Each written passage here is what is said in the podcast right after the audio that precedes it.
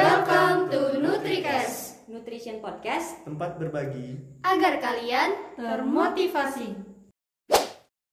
Halo Sobat Nutrikes, bagaimana nih kabarnya? Balik lagi di Nutrikes kali ini bersama kami dengan cerita baru dari pengalaman narasumber kita, yaitu Kak Gevira Karmita Syam. Nah, daripada lama-lama, langsung saja yuk kita ngobrol-ngobrol bareng Kak Gevira. Saya hubungkan ke kakaknya ya. Selamat pagi Kak, Selamat pagi, Milca. bagaimana nih Kak kabarnya? Sehat? Alhamdulillah, hari ini masih dikasih nikmat dan kesempatan dalam keadaan sehat. Sebelumnya kami ucapkan terima kasih nih sama Kak Gevir yang sudah berkenan menjadi narasumber di Nutrikes Perdana di tahun 2022 episode pertama ini. Sama-sama ya, saya juga mau mengucapkan terima kasih kepada rekan-rekan Sakti Garjita, khususnya dari Divisi 2P dan Infomedif yang undang-undang saya pada Nutrikes kali ini. Baik Kak. Oh iya, sebelum kita mulai, mungkin boleh perkenalan diri dulu ya Kak. Oke, karena tak kenal maka tak sayang, jadi kenalan dulu ya. Perkenalkan, nama saya Gevira Karmita Syam, biasa dipanggil Gevira. Saat ini berstatus mahasiswi Poltekkes Kemenkes Kaltim, jurusan Gizi dan Dietetika, tingkat 2 semester 4. Baik, jadi hari ini kita kedatangan narasumber yang luar biasa dan punya banyak prestasi loh, yaitu Kak Gevira. By the way guys, Kak Gevira ini the new head of nutrition HMJ loh. Oh iya Kak, kalau boleh tahu kesibukan kakak sekarang apa nih Kak? Kesibukan saya saat ini ya, hmm, pastinya sih kuliah, praktikum, dan organisasi sih. Apalagi akhir-akhir ini hektik, sering ke kampus gitu buat kuliah, praktikum, sama buat organisasi juga. Terus ini sekarang lagi ngurus kepanitiaan buat ngelaksanain proker HMJ yang akan dilaksanakan pada saat bulan puasa nanti. Hmm, begitu ya Kak. Cukup sibuk juga ya Kak. Selain sibuk di akademik, sibuk di organisasi juga. Walaupun sudah di semester 4, juga tidak mengurangi semangat kakak dalam berorganisasi dan belajar. Iya, benar banget. Harus selalu semangat dalam menjalani proses-proses ini demi hasil yang insya Allah memuaskan nantinya yang akan saya persembahkan untuk orang-orang tersayang. Meskipun gak selamanya proses ini jalannya lurus-lurus aja. Pasti ada aja tantangannya. Iya, bener banget. Yang namanya proses gak ada yang mudah ya kak.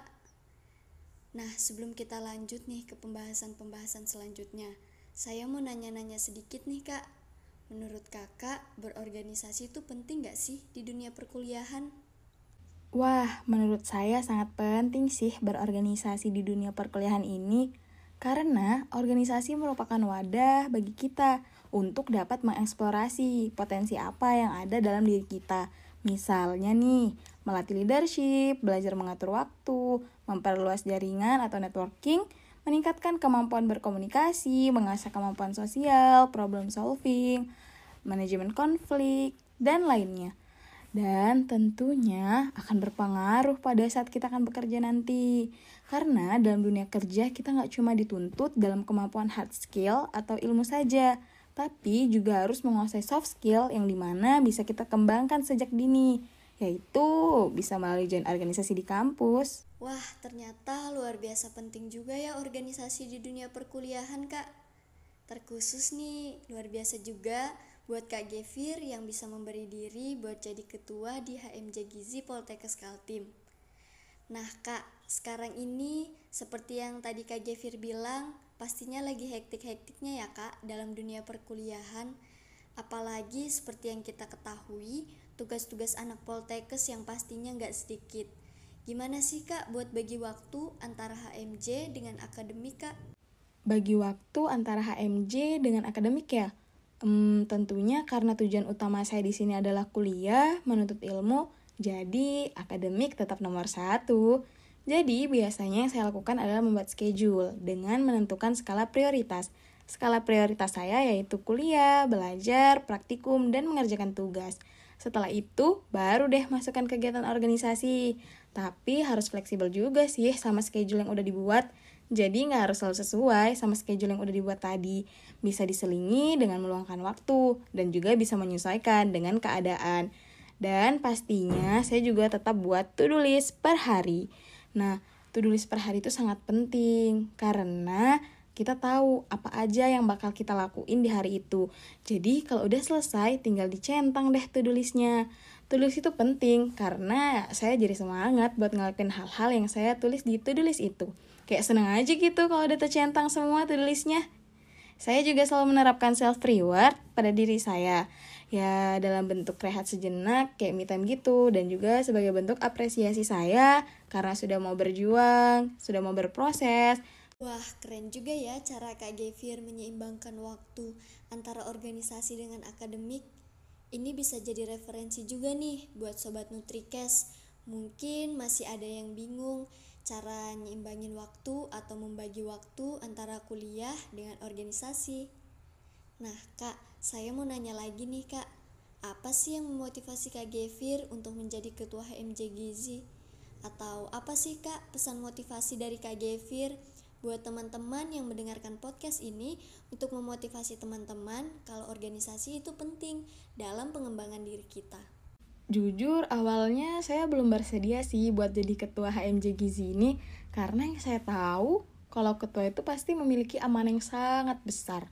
Tetapi karena rekan-rekan di sekitar saya selalu support, selalu ngeyakinin saya untuk maju mencalonkan diri menjadi ketua, jadi saya maju. Tetapi saya izin dulu juga sama orang tua dan keluarga. Alhamdulillah diizinkan. Jadi saya maju mencalonkan diri sebagai ketua dan saya terpilih menjadi ketua HMJ Gizi periode 2022-2023. Nah, selama berorganisasi ini saya memiliki impact yang sangat banyak, memiliki pelajaran juga tentunya. Ya seperti misalnya yang awalnya saya belum bisa, saya menjadi bisa, yang awalnya saya belum tahu, saya menjadi tahu, dan juga pasti memiliki relasi yang sangat banyak, memiliki networking yang banyak, saya juga dapat memecahkan masalah, saya dapat memahami setiap karakter orang yang berbeda-beda, kayak gitu, dan menjadi sadar gitu loh, ternyata tuh selama ini tuh bisa, kalau misalnya kita tuh mau mencoba dan kuncinya juga percaya dan yakin sama diri sendiri. Karena menurut saya lebih baik kita gagal tapi kita telah mencobanya daripada kita menyesal karena kita tidak mencoba sama sekali. Wah, luar biasa sekali motivasi dari Kak Gevir. Ternyata kuncinya adalah yakin dan percaya pada diri sendiri bahwa kita bisa asal kita mau mencoba. Banyak banget nih pelajaran yang bisa kita ambil dari perbincangan kita bersama Kak Gevir tadi. Nah, karena tadi adalah pertanyaan terakhir, mungkin kita cukupkan sampai di sini dulu ya, Kak. Semoga apa yang udah Kak Gevir bagikan tadi bisa bermanfaat buat sobat Nutrikes, juga buat saya. Saya mau mengucapkan terima kasih buat Kak Gevir yang sudah bersedia meluangkan waktunya untuk membagikan cerita dan pengalaman yang sangat luar biasa kepada kita pendengar setia Nutrikes.